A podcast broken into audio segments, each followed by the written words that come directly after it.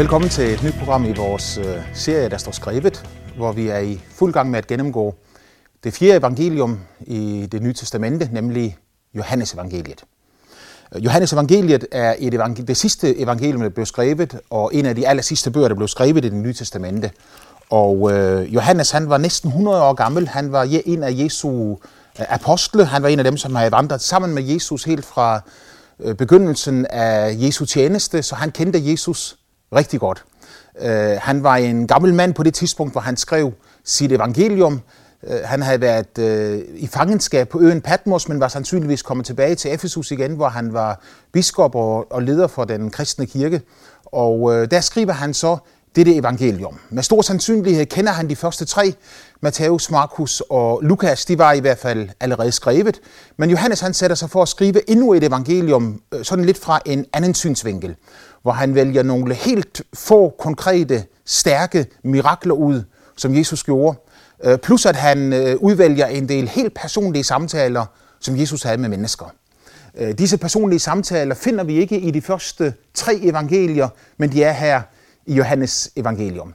Uh, han slutter sit evangelium af med at sige i kapitel 20 og vers 30, endnu mange andre tegn, som ikke er nedskrevet i denne bog, gjorde Jesus for øjnene af sine disciple. Men disse er nedskrevet for, at I skal tro, at Jesus er Kristus, Guds søn, og for at I, når I tror, skal have livet i hans navn. Så Johannes han giver os øh, hensigten med at skrive evangeliet øh, at øh, han udvælger nogle bestemte mirakler, tegn under. Han, udvikler, han, han øh, udvælger nogle bestemte samtaler, som Jesus har med enkeltpersoner, eller hvor han taler til folkeskare. Og så giver han os disse her, for at vi skal tro, at Jesus er Kristus, at han er Messias, den salvede, den lovede frelser, som skulle komme fra Gud, og at han er Guds egen søn. Og han siger videre ikke bare, at han ønskede, at vi skulle tro, at Jesus var Kristus Guds søn. Øh, det er det massevis af mennesker, der tror. Øh, Bibelen siger, at selv djævlen tror, at Jesus er Guds søn. Men det i sig selv øh, betyder jo ikke, at et menneske bliver frelst, eller at et menneske derfor har mødt denne Jesus, eller oplevet denne Jesus som en levende realitet i sit liv. Så Johannes han får jer til ikke bare, at vi skal tro, at Jesus er Kristus Guds søn, men at vi, når vi tror, skal have livet i hans navn. Så Johannes var interesseret i, at mennesket skulle få en livsforbindelse med Gud i himlen. Han var ikke bare interesseret i, overhovedet ikke interesseret i, at dosere teologi, Øh, han skrev ikke sit evangelium for, at mennesker skulle se 2000 år senere og så rive det i stykker og veje det ene ord op imod det andet. Men han skrev dette evangelium for at male et portræt af det menneske, som han imponerede mere end nogen anden. Det menneske, som var mere end et menneske, som han var overbevist om, var Guds egen søn. En overbevisning, som kom til ham, både fordi han havde hørt det fra andre, den første, der sagde det til ham, var Johannes Døberen, som allerede her i begyndelsen af Johannes evangeliet kommer med et klart vidnesbyrd og siger, at øh, jeg er udsendt forud for ham, som skulle komme verdens frelser. Johannes hørte ham sige det, og Johannes troede på det, han sagde. Men det, som var endnu stærkere for ham, det var ikke bare, at han troede på, hvad andre sagde, men at han selv oplevede Jesus som Kristus, som Messias, som Guds søn, og at han fik livet i hans navn, og at det forvandlede hele hans liv på en sådan måde, at han ikke siger, jeg håber, at han er Guds søn. Jeg mener, at han er Guds søn. Jeg antager, at han er Guds søn. Men øh, han skrev faktisk i øh, et af sine breve, så stor en kærlighed har faderen vist os, at vi må kaldes Guds børn, og vi er det. Så han havde en enorm stærk oplevelse af en vidshed, en overbevisning, som kom helt inde fra dybet af hans ånd, om at han virkelig, at Jesus var Guds søn, og at han på grund af sin tro på dette, havde oplevet et nyt liv og fået livet i hans navn.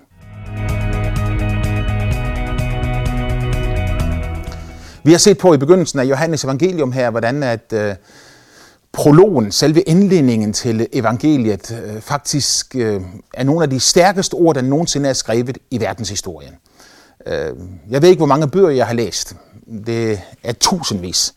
Men blandt alle de bøger, jeg har læst, så har jeg øh, sjældent, hvis nogensinde, læst nogle vers, som er så stærke som de indledende ord til Johannes, evangel- i Johannes evangelium.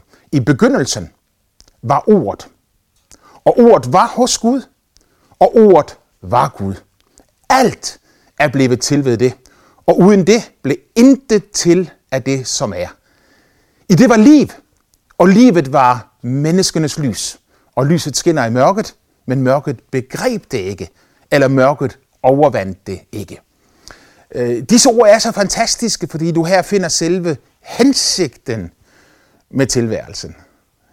Øh, jeg har sådan en, en lille øh, favoritserie, som jeg godt kan lide at se i fjernsynet. Alle elsker Raymond. Øh, den er, er færdiglavet, så den, den kommer ikke mere. Den findes bare i gamle udgaver. Jeg kan huske, min kone hun sagde til mig en gang, at den skal du se, Bruno. Men jeg tænkte, nej, det, det gider jeg ikke. Og da jeg så begyndte at se den, så var den hysterisk morsom. Øh, I et af afsnittene der, der øh, kommer de ind på hele dette spørgsmål omkring, hvorfor er mennesket til? Fordi et lille barn stiller spørgsmålet, hvad er meningen med livet? Og, og betragte øh, den forvirring, som kommer ind i deres liv, at betragte, at se, hvordan de prøver på at svare, prøver på at, at, at give en løsning på, hvad meningen og hensigten med tilværelsen er, er, er, er både hyldende morsomt, øh, men også ganske tragisk egentlig. Fordi på mange måder så udstiller de mennesket i en nødskal. At vi er, men vi ved ikke, hvorfor vi er. Svaret på dette fundamentale spørgsmål, hvem er vi, hvor kommer vi fra, og hvor er vi på vej hen, er det, som Johannes giver os her i indledningen af sit evangelium. Han siger, vi kommer fra Gud. I begyndelsen var Gud ordet, Jesus, Kristus, den evige Guds søn fra evighed af et med faderen, fra evighed af faderen, sønnen og helligånden, som en treenig guddom, der skabte mennesket i sit billede til fællesskab med sig selv. Så hensigten med livet, at leve i fællesskab med Gud. Som fisken er skabt til at leve i vandet, som fuglen er skabt til at flyve i luften, sådan er mennesket skabt til at leve i fællesskab med Gud. Derfor siger Johannes, at i det var liv, og livet var menneskenes lys. Med andre ord så siger han, at når et menneske finder hensigten med sin tilværelse, altså finder tilbage til rødderne, til ham, som har skabt det, at så får det liv, og så bliver det oplyst, og mennesket begynder at leve på en helt ny og stærk måde. Vi gik så videre med at se her fra Johannes evangelium, hvordan at øh, de første Øh, øh, mennesker, der mødte Jesus, de kom ind i et personligt fællesskab med ham. Og i vores øh, sidste program, der så vi på det første mirakel, som Jesus gjorde i øh, Johannes evangelium, det andet kapitel, hvor han ved bryllup i Kana forvandler vand til vin. Øh, det der er symbolsk, fordi det fortæller os, at når du møder Jesus, så bliver dit liv af en bedre kvalitet. Det kan være, at det har været vand indtil nu, men nu bliver det vin. At møde Jesus er at komme op på et højere niveau. At møde Jesus er at begynde at se livet og lyset ind i øjnene, og at begynde at leve dette liv og dette lys. Men selvfølgelig er det ikke bare en tekst, der fortæller os, at her begynder livet, og her bliver livet bedre. Øh, det var et praktisk problem, som bliver løst. Øh, de manglede vin, og Jesus han gjorde et mirakel. Øh, et mirakel, fordi han var åben for faderens tiltale, og når faderen inspirerede ham til det, så trådte han ud i en fantastisk kraft, og med Helligåndens kraft så forvandlede han vand til vin. Og på den måde så siger han også, at han faktisk er interesseret i det enkelte menneskes hverdag. Miraklet skete ikke i en kirke. Miraklet skete ikke på et helligt sted. Miraklet skete ved et enkelt bryllup i en lille by i Galilea. Der var der et problem, og der greb Gud ind. I øh, Hebræerbrev kapitel 13, der står der et af de stærke vers i Bibelen, nemlig at Jesus Kristus er den samme i går og i dag og indtil evig tid. Hvis det er sandt, og det tror jeg af hele mit hjerte det er, så betyder det også, at det som Jesus gjorde i går, det vil han gøre i dag, og det vil han gøre igen i morgen. Så når han hjalp øh, dette brudepar ved brylluppet i Kana med at forvandle vand til vin, et lille mirakel, et ubetydeligt mirakel, et mirakel, øh, som det, det var ikke sådan, at deres liv ville være en total katastrofe, hvis ikke de oplevede hans indgreb. men et mirakel, som han gjorde af kærlighed. Og hvis han er den samme i går og i dag og indtil evig tid, så betyder det jo også, at han vil gøre det samme for dig i dag. I din hverdag, i din konkrete, personlige situation, uanset hvad omstændighederne måtte være, øh, så vil Gud gerne gribe ind i dit liv. Bare du spørger ham om det. Jesu mor sagde til tjenerne, alt hvad han siger til jer, det skal I gøre. Det er nøglen til at opleve et guddommeligt mirakel i sit liv. At høre på, hvad Gud siger, adlyde, hvad Gud siger, og så se resultaterne af det. Jeg ved, at mennesker siger, at nej, mine problemer de er sådan en kategori, at jeg kan ikke være bekendt af at ulejlige Gud med disse problemer. Uh, hvis man sammenligner med mægtige, store problemer rundt om på jordkloden, krig, hungersnød, naturkatastrofer, så mit lille problem i mit hjem, hvor jeg bare har brug for hjælp, det kan jeg ikke ulejlige Gud med. Men hvad Jesus viser os her, det er jo, at Gud er så stor og så mægtig, at han, har parat, at han er parat til at gribe ind selv i små, trivielle situationer, som for nogle mennesker kan virke ligegyldige. Selv der vil Gud gerne gribe ind i menneskers liv. Han gjorde et mirakel ved brylluppet i Kana. Han vil helt sikkert gøre et mirakel for dig. I dag skal vi så se på den sidste halvdel af det andet kapitel i Johannes evangelium, hvor Jesus han øh, kommer ind i Jerusalem for at fejre den første påske, efter han har påbegyndt sin offentlige tjeneste. Når han kommer ind i, øh, i byen her, så går han ind i helligdommen for at tilbede sin far. Og når han kommer derind, så ser han en hel masse mennesker og et liv, som øh, foregår derinde, hvor massevis af mennesker ikke er optaget med påsken, ikke er optaget med påskens budskab, at Gud griber ind, og at Gud vil frelse og velsigne enhver, som søger ham. Men at de er optaget med masse andre ting i stedet for, deres egne ting, deres egne forretninger. Og Jesus bliver vred, når det sker. Øh, du har helt sikkert hørt om den søde Jesus, om den venlige Jesus, den hyggelige Jesus. Men har du nogensinde hørt om den vrede Jesus? Jesus blev her vred. Han blev faktisk så vred, at han vendte sig rundt, og så begyndte han at lave en pisk. Jeg kan næsten høre nogle af hans disciple komme gående hen til ham og sige til ham, øh, Mester, hvad laver du? Og Jesus han siger, bare vent et øjeblik. Jamen de siger, men, men mester, ja, vi ser, at du laver noget. Hvad er du i gang med at lave? For Jesus var ved at lave en pisk. Og da han var færdig med at lave den, så jo han okserne øh, og forerne ud af helligdommen med piskene. Han væltede vekselerende spore, og han sagde til dem, som solgte duer, øh, tag dette bort herfra, gør ikke min fars hus til en krammerbrud. Jøderne siger til ham, øh, hvilket tegn viser du os, siden du gør dette? Og Jesus svarer dem igen og siger til dem, bryd dette tempel ned, og jeg skal bygge det op igen på tre dage.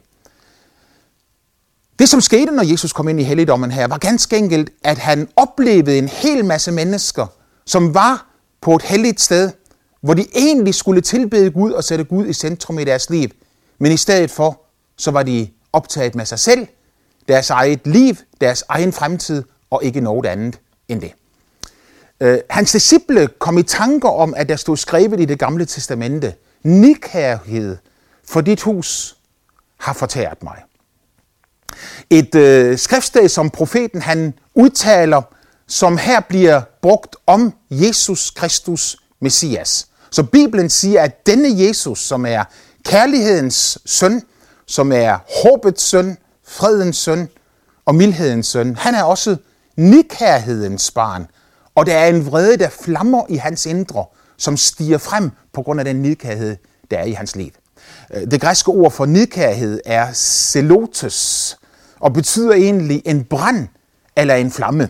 Nidkærhed er en kvalitet, som er så stærk, at der, hvor den får lov til at vokse inde i menneskers liv, tager den kontrol over dem. Nidkærhed er ikke en dårlig kvalitet, men det er en stærk kvalitet, som giver udtryk for følelserne, som er i mennesket. Øh, Bibelen siger, at Gud er en nidkær Gud. Det vil sige, at Gud han har en brand og en flamme i sit eget indre en øh, brand og en flamme, som giver sig udtryk både i kærlighed, i renhed og i retfærdighed. At Gud er en nidkær Gud, det beskriver øh, apostlen Jakob i sit brev som, at øh, han længes med nidkærhed efter den ånd, som han har givet bolig i os. Så, så Guds nidkærhed er også hans kærlighed. Og hans kærlighed er som en mægtig drivkraft, der bare presser sig på indefra og igennem hele hans væsen, hvor han længes efter fællesskab med det menneske, som han i begyndelsen skabte i sit billede. Så denne øh, karakter af nidkærhed, som fyldte Jesus, det gjorde, at der var en flam og en brand i hans indre menneske. Det gjorde også, at han ikke kunne se på uretfærdighed eller lunkenhed. Han kunne ikke se på middelmodighed, øh, gennemsnitlighed, og så bare klappe i hænderne og så gøre som om, at det var den måde, man skulle leve livet på.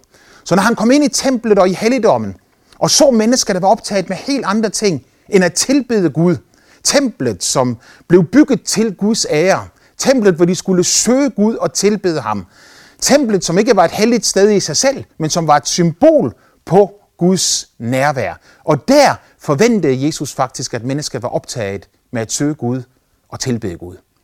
Når han så kommer ind og finder, at de er optaget med helt andre ting, så er den flamme, der er i hans indre, den giver sig udtryk på en sådan måde, at han ikke bare øh, kan ryste på hovedet og vende sig rundt og gå sin vej, men han er nødt til at konfrontere denne uretfærdighed. Og han gør det på den måde, at han laver sig en pisk og jager dyrene ud af helligdommen, vælter vekselerende spor. Du kan sige, at kunne han ikke have gjort det på en anden måde? Øh, kan man ikke være lidt sødere og lidt mere venlig? Øh, kunne man ikke først have øh, prøvet på at forklare dem og, og, og sige til dem, kan vi ikke gøre det sådan, kan vi ikke gøre det sådan, kan vi ikke lave om her, og kan vi ikke lave om der. Men når branden begynder at brænde, og når flammerne begynder at slå op i det indre væsen, Øh, så er det ikke så enkelt bare at øh, holde hovedet koldt på alle måder. Jeg siger ikke, at det Jesus gjorde var i affekt, for det var overhovedet ikke i affekt.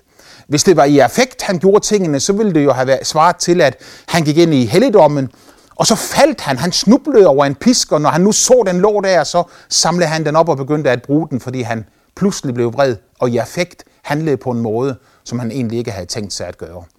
Men jeg siger, at Jesus lavede sig en pisk. Jeg siger, at det var bevidst, at han gjorde de ting, han gjorde, fordi han ville, at Gud skulle være centrum i menneskets liv, og han ville, at mennesket skulle være optaget med Gud, i stedet for med alt det ydre glimmer og det andet, som omgav situationen der.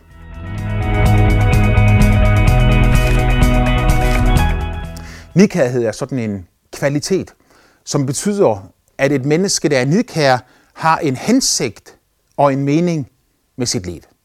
Et menneske, der er nidkær, brænder for et eller andet. Og denne brand, som man brænder for, øh, øh, den øh, viser sig i menneskets liv ved at tilføre kraft, ved at tilføre glæde, ved at tilføre begejstring, ved at tilføre overskud og ikke mindst ved at tilføre mening og hensigt. I øh, Romerbrevet, det 10. kapitel, der siger Paulus om jøderne, øh, han siger for det første, at han har en stor nød for sit eget folk, og at han ønsker, at hans eget folk skal lære Gud at kende øh, på en personlig måde, sådan som han selv havde oplevet det.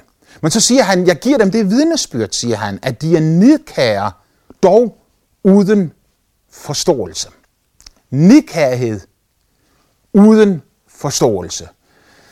En brand uden forståelse, en brand uden hensigt, ja, den leder dig jo bare derhen, hvor den brand og den nidkærhed, som er i dit indre, den nu engang vil føre dig hen. En øh, flamme og en brand efter personlig vinding, efter personlig fortjeneste, efter at tilfredsstille lyster, som mennesket måtte have i sit indre, som er kommet frem af den ene eller den anden årsag. Nikærhed uden forståelse. Vil altid flamme op til et bål, som altid skader det menneske, i hvem bålet brænder. For jøderne så siger Paulus, at de var nikære, men uden forståelse. I deres situation var det fordi, at de havde en brand for loven og for lovens bogstav, de ti bud, som Moses havde givet, og alle de bud, som de så føjede til og lavede et religiøst system ud af.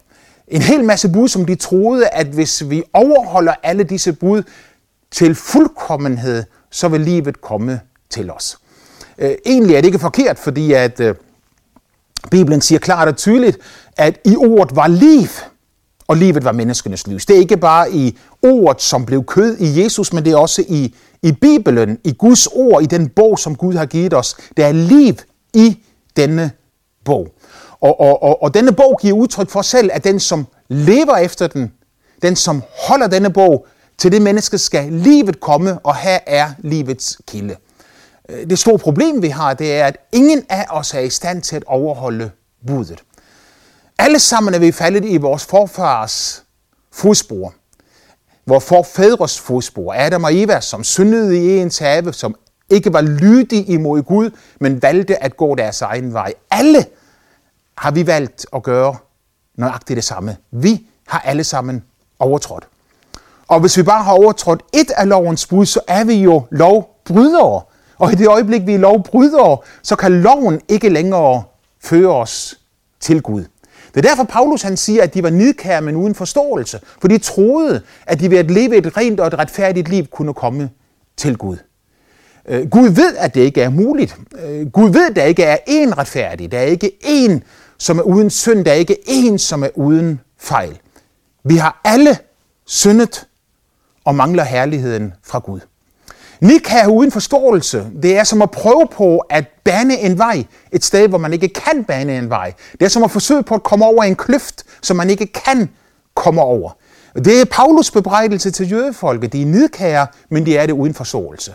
Nidkærhed med forståelse. Det er, når vi begynder at brænde for noget, som faktisk kan føre os over kløften. Det er, når vi begynder at brænde for noget, som er i stand til at forvandle vort liv, fordi det, vi brænder for, er sandhed. Jesus Kristus kom. Han gav sit eget liv. Da han døde, så døde han i dit og i mit sted, for at du og jeg, vi skulle komme ind og få fællesskab med Gud ved Jesus Kristus. Når vi møder ham, så er det en helt ny brand, der flammer op i vores indre menneske. Den samme Paulus, som sagde om jøderne, at de var nidkære, men uden forståelse, han vidste, hvad han talte, talte om, fordi han har selv levet sit liv på nøjagtig samme måde. Men da han så mødte Jesus, og oplevede, opdagede, at Jesus faktisk var Guds søn, at han faktisk var verdens frelser, at han faktisk var den, han sagde sig at være livet og lyset, som kom til denne verden. Da han opdagede det, så kom der en helt ny nidkærhed og flamme ind i hans indre menneske, nemlig en nidkærhed og en brand for Jesus Kristus og for Guds rige. Og han levede resten af sit liv med denne brand i sit indre, hvor han siger, for mig er livet Kristus og døden, det er en vinding. Her i øh, helligdommen ved den allerførste påske, så drev Jesus alle dem ud, som øh, handlede, alle dem, som ikke havde hjertet med i det, de foretog sig på dette hellige sted, dem drev han ud.